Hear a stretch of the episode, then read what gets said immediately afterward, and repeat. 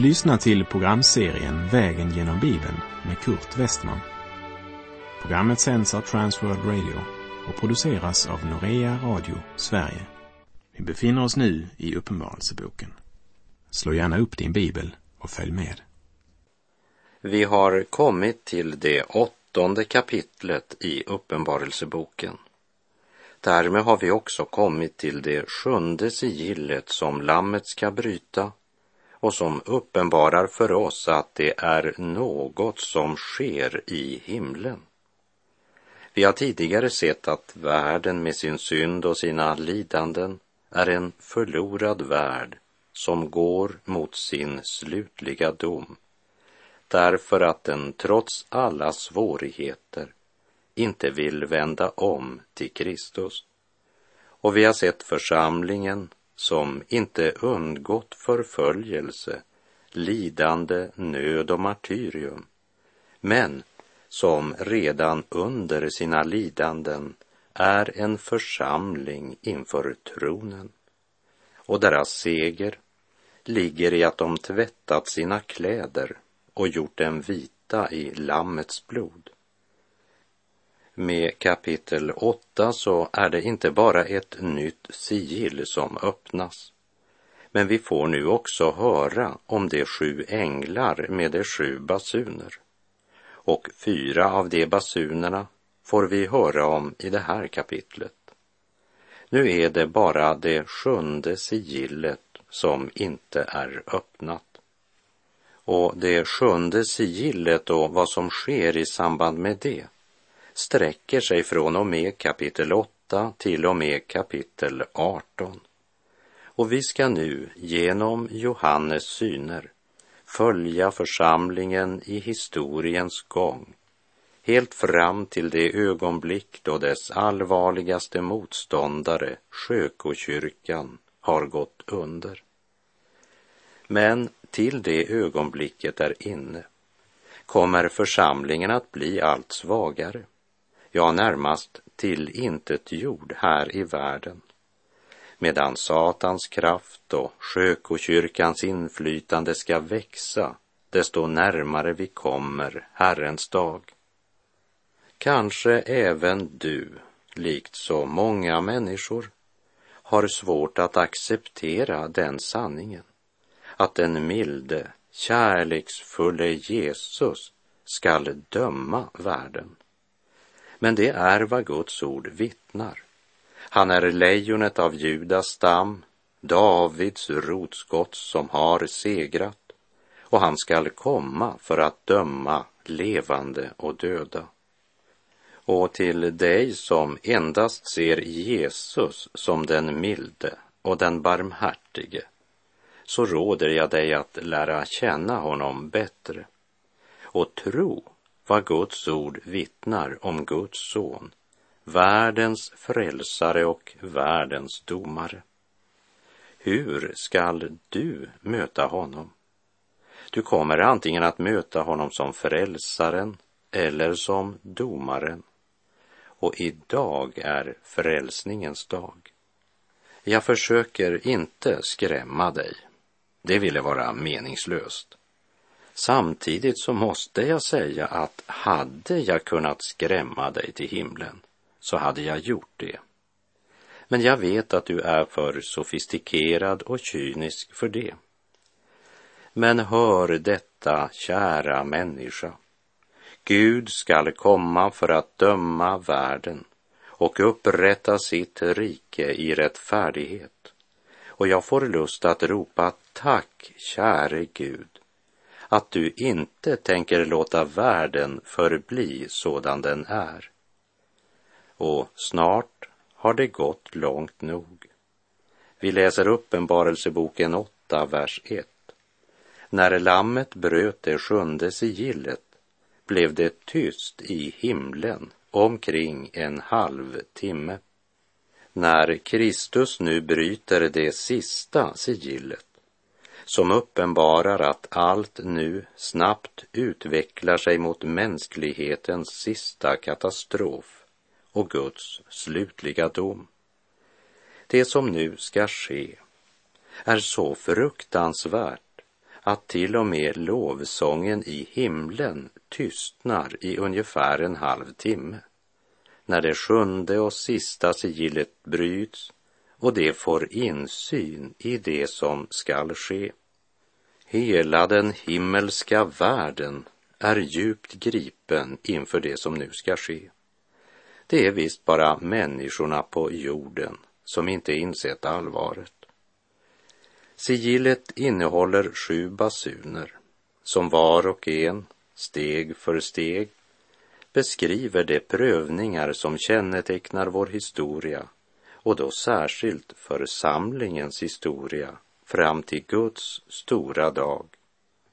Och just därför att församlingens historia som Guds folk ska gå igenom innan det går till sin eviga seger är präglad av nederlag och tillintetgörelse i denna värld, så är det endast den som är född på nytt av Guds helige ande som förstår att det går mot en evig seger. Korsets evangelium är något mer än en teori. Mitt rike är icke av denna världen, säger Jesus i Johannes 18.36. Och så fortsätter han. Om mitt rike vore av den här världen hade mina tjänare kämpat för att jag inte skulle bli överlämnad åt judarna. Men nu är mitt rike inte av den här världen. Hade mitt rike varit av den här världen, då hade mina tjänare kämpat för att jag inte skulle bli överlämnad. Men nu är det inte så. Guds rikes kamp utkämpas. Målet är inte att få det lätt, att undfly korset. Målet är att göra Faderns vilja. Kampen kämpas inte med vapen, inte med mänsklig styrka, inte genom att med vapen eller makt triumfera över Satan och världen, men genom att välja korsets väg när ondskan rasar. Och inför denna tidsålders avslutning blir det tyst i himlen i omkring en halv timme. Låt oss meditera över det en liten stund. När lammet bröt det sjunde sigillet blev det tyst i himlen omkring en halv timme.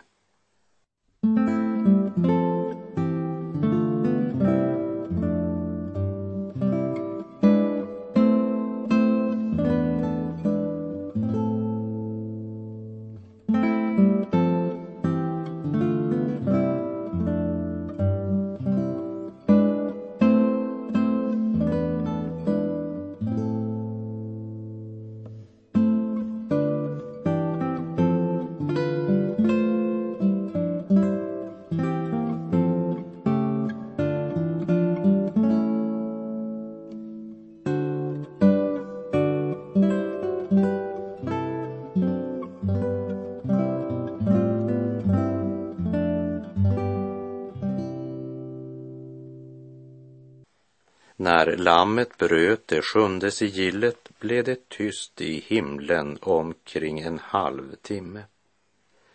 Denna stillhet i himlen talar också till oss om att det är nödvändigt för Guds folk på jorden att vara stilla inför Herren.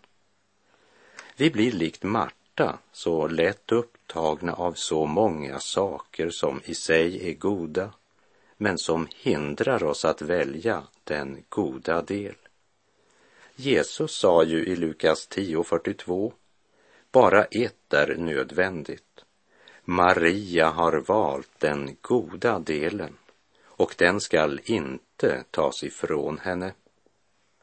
Och låt oss komma ihåg inför vår vidare vandring när det sjunde sigillet nu öppnas att det är lejonet av Judas stam som har kontrollen och som bryter vart och ett av sigillen.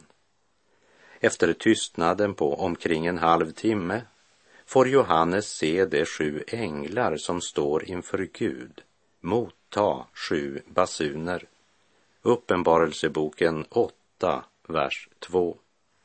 Och jag såg de sju änglarna som står inför Gud, och åt dem gavs sju basuner. Då kom en annan ängel som hade ett rökelsekar av guld och ställde sig vid altaret. Åt honom gavs mycket rökelse som han skulle lägga till alla de heligas böner på guldaltaret framför tronen. Och röken från rökelsen tillsammans med de heligas böner steg från ängelns hand upp inför Gud. Det är väl värt att lägga märke till att innan det sägs något mer om de sju basunerna kommer Herren med ett tröstens budskap till alla Guds barn.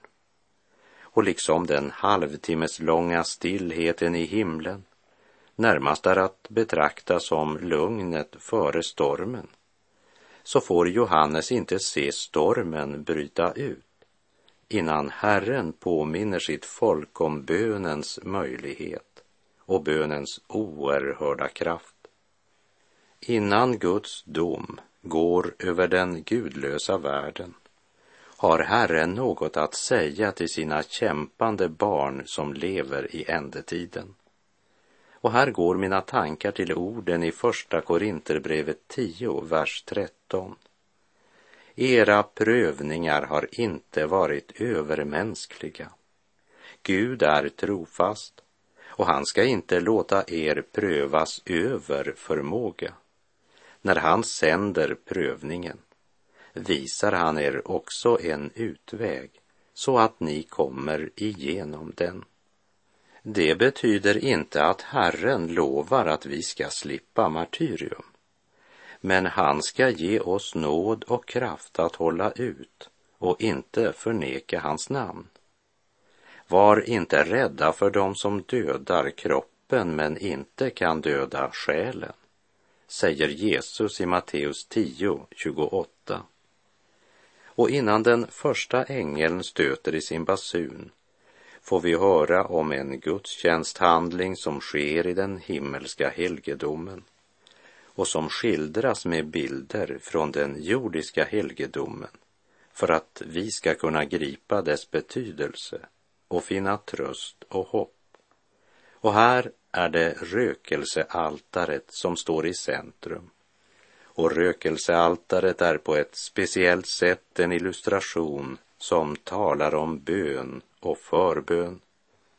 Och från vår vandring genom Andra Mosebok minns vi att rökelsealtaret, det var placerat helt in till förlåten eller förhänget in till det allra heligaste. Och att röken från rökelsealtaret kunde tränga helt in i det allra heligaste. Rökelsealtarets placering uppenbarade för oss hur Gud ser på bön och förbön. Vi anade något av bönens betydelse när vi läste om rökelsealtaret i Andra Mosebok. Rökelsealtarets placering vittnade om var vi står när vi ber till Gud, nämligen inför Gud. Vi står så att säga vid förhänget till evighetens värld när vi ber. Och för den själ som får ordets ljus över vad bönen betyder blir det en stor andlig rikedom. Bönen blir ett behov och det blir till tröst i de svåraste prövningar. Och det är ingen tillfällighet att Johannes får se detta rökelsealtare av guld innan den första ängeln blåser i sin basun. Och i Uppenbarelseboken 5, vers 8 hörde vi att när lammet tog bokrullen föll de fyra väsendena och de 24 äldste ner inför lammet och de hade var och en sin harpa och skålar av guld fulla av rökelse som är det heligas böner. Då kom en annan ängel som hade ett rökelsekar av guld och ställde sig vid altaret. Åt honom gavs mycket rökelse som han skulle lägga till alla de heligas böner på guldaltaret framför tronen. Och röken från rökelsen tillsammans med de heligas böner steg från ängelns hand upp inför Gud. Rökelsen skulle alltså förena sig med de heligas böner och stiga upp inför Gud. Och låt mig här få säga vad jag personligen tror, nämligen att det som får bönen att stiga upp till Gud, det är Jesu egen förbön för dig och mig. Ty Kristus gick inte in i en helgedom som är gjord med händer och som bara är en bild av den verkliga helgedomen.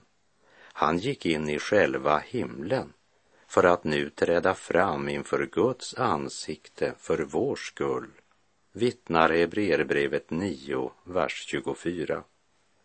Vår egen bön är ju ofta uppblandad med själviska tankar och själviska motiv. Vi är så upptagna av att slippa lidande och är ofta mera upptagna av att komma undan svårigheter och prövningar än av att kunna leva Gud till ära under alla omständigheter. Så den bön som kan sätta både himmel och jord i rörelse, den har vi inte i oss själva. Den kan endast läras i Kristi skola. Och vi lär långsamt men i sin nåd tar Gud emot vår bön därför att den är renad i Kristi försoning och genom Jesu förbön för oss.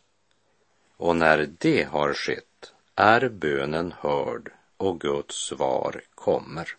Det kan du lita på. Ängeln tog rökelsekaret fyllde det med elden från altaret och kastade ner den på jorden och det åskade, dundrade och blixtrade och jorden skälvde.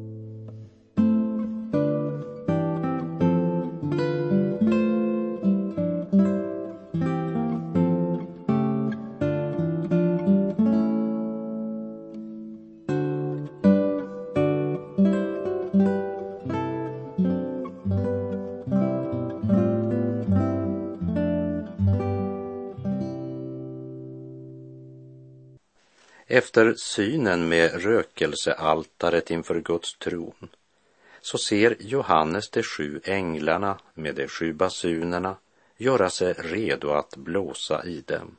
Uppenbarelseboken 8, vers 7. Den första ängeln blåste i sin basun. Då kom det hagel och eld blandat med blod och det kastades ner på jorden en tredjedel av jorden brändes upp, liksom en tredjedel av träden, och allt grönt gräs sveddes av. I Uppenbarelseboken 16, vers 13, så ger Johannes en utläggning av en av synerna han har.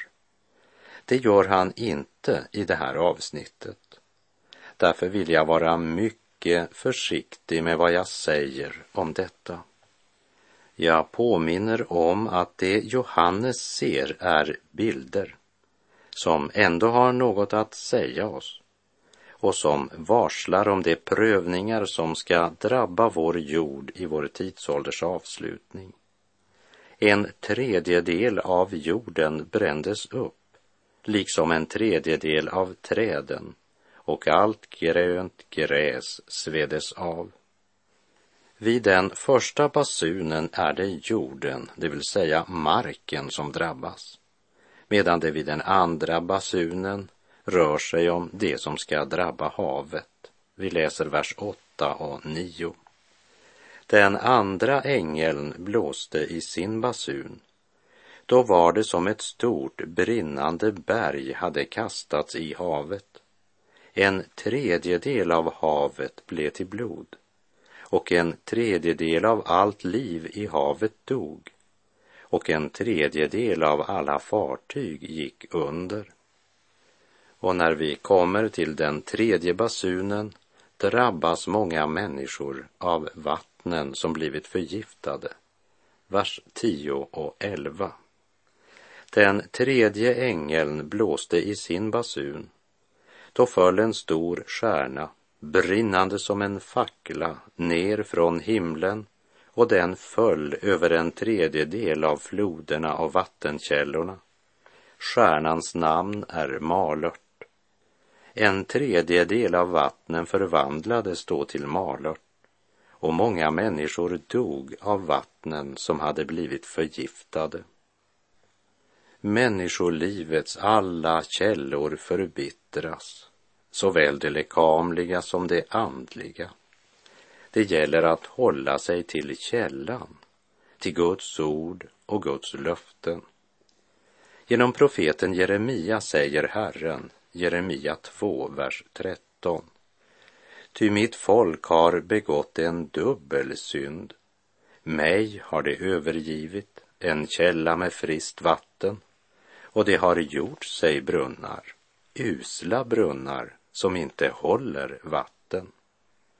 Men genom Johannes varslar Herren om en tid då också vatten, sjöar och hav ska förgiftas.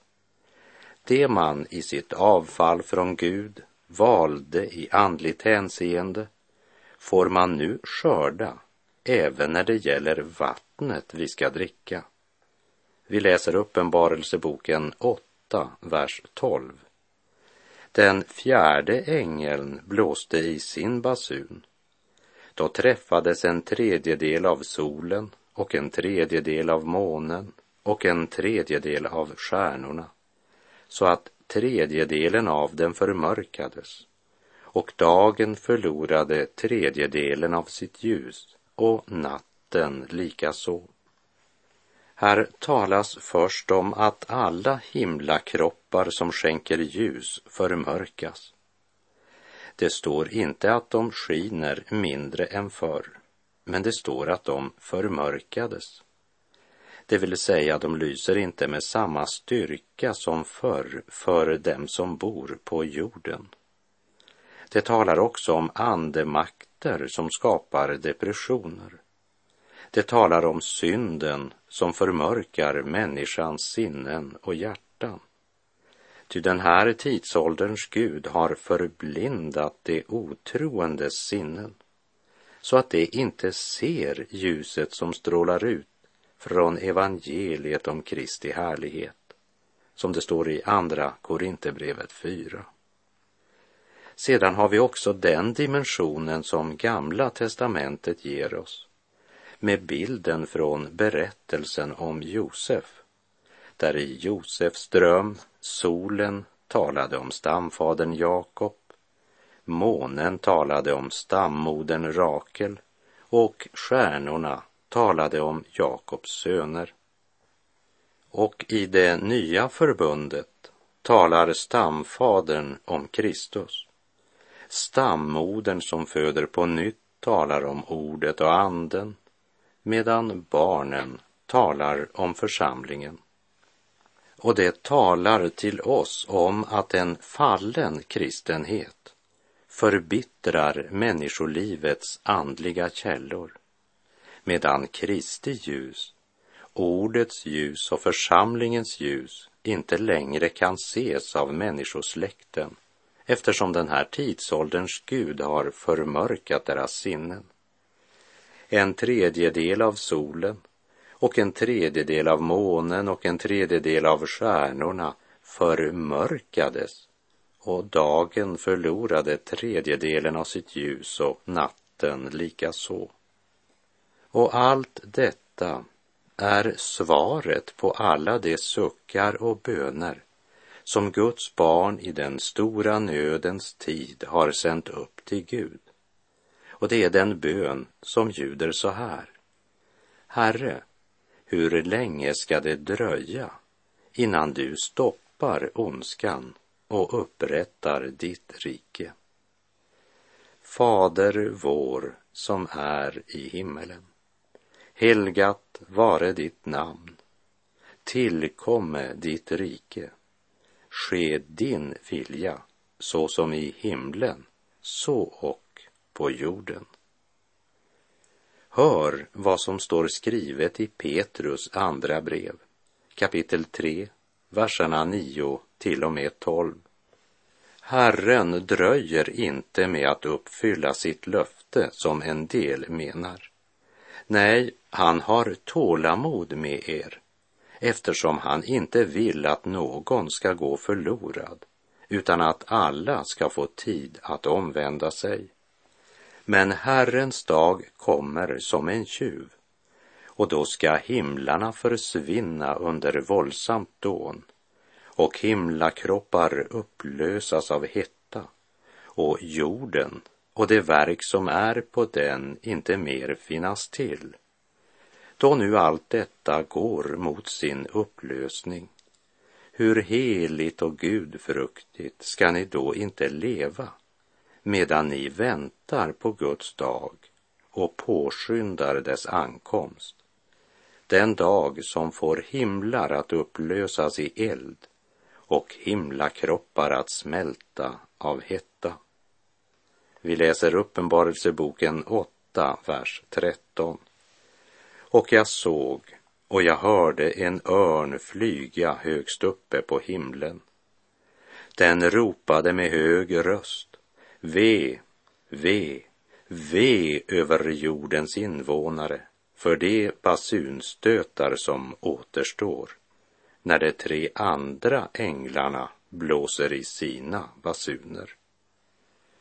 Hör Herrens rop till dig genom Uppenbarelseboken. Människa, var kommer du att vara när allt brinner upp? Om synden idag känns lätt som en fjäder på ditt samvete, kom ihåg att redan imorgon kan den tynga dig med evighetens tyngd. Du vet inte, varken när Herren kapar din livstråd eller när Herrens dag kommer. Gör dig redo att möta din Gud. Sök Herren medan han låter sig finnas. Herren vare med dig. Må hans välsignelse vila över dig. Gud är god.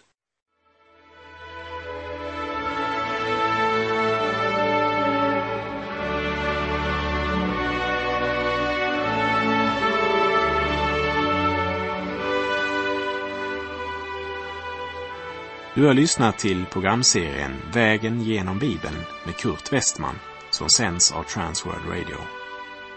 Programserien är producerad av Norea Radio Sverige. Om du önskar mer information om vårt radiomissionsarbete så skriv till Norea Radio Sverige, box 3419 103 68 Stockholm. Adressen är alltså Norea Radio Sverige box 3419. Postnumret 10368 Stockholm.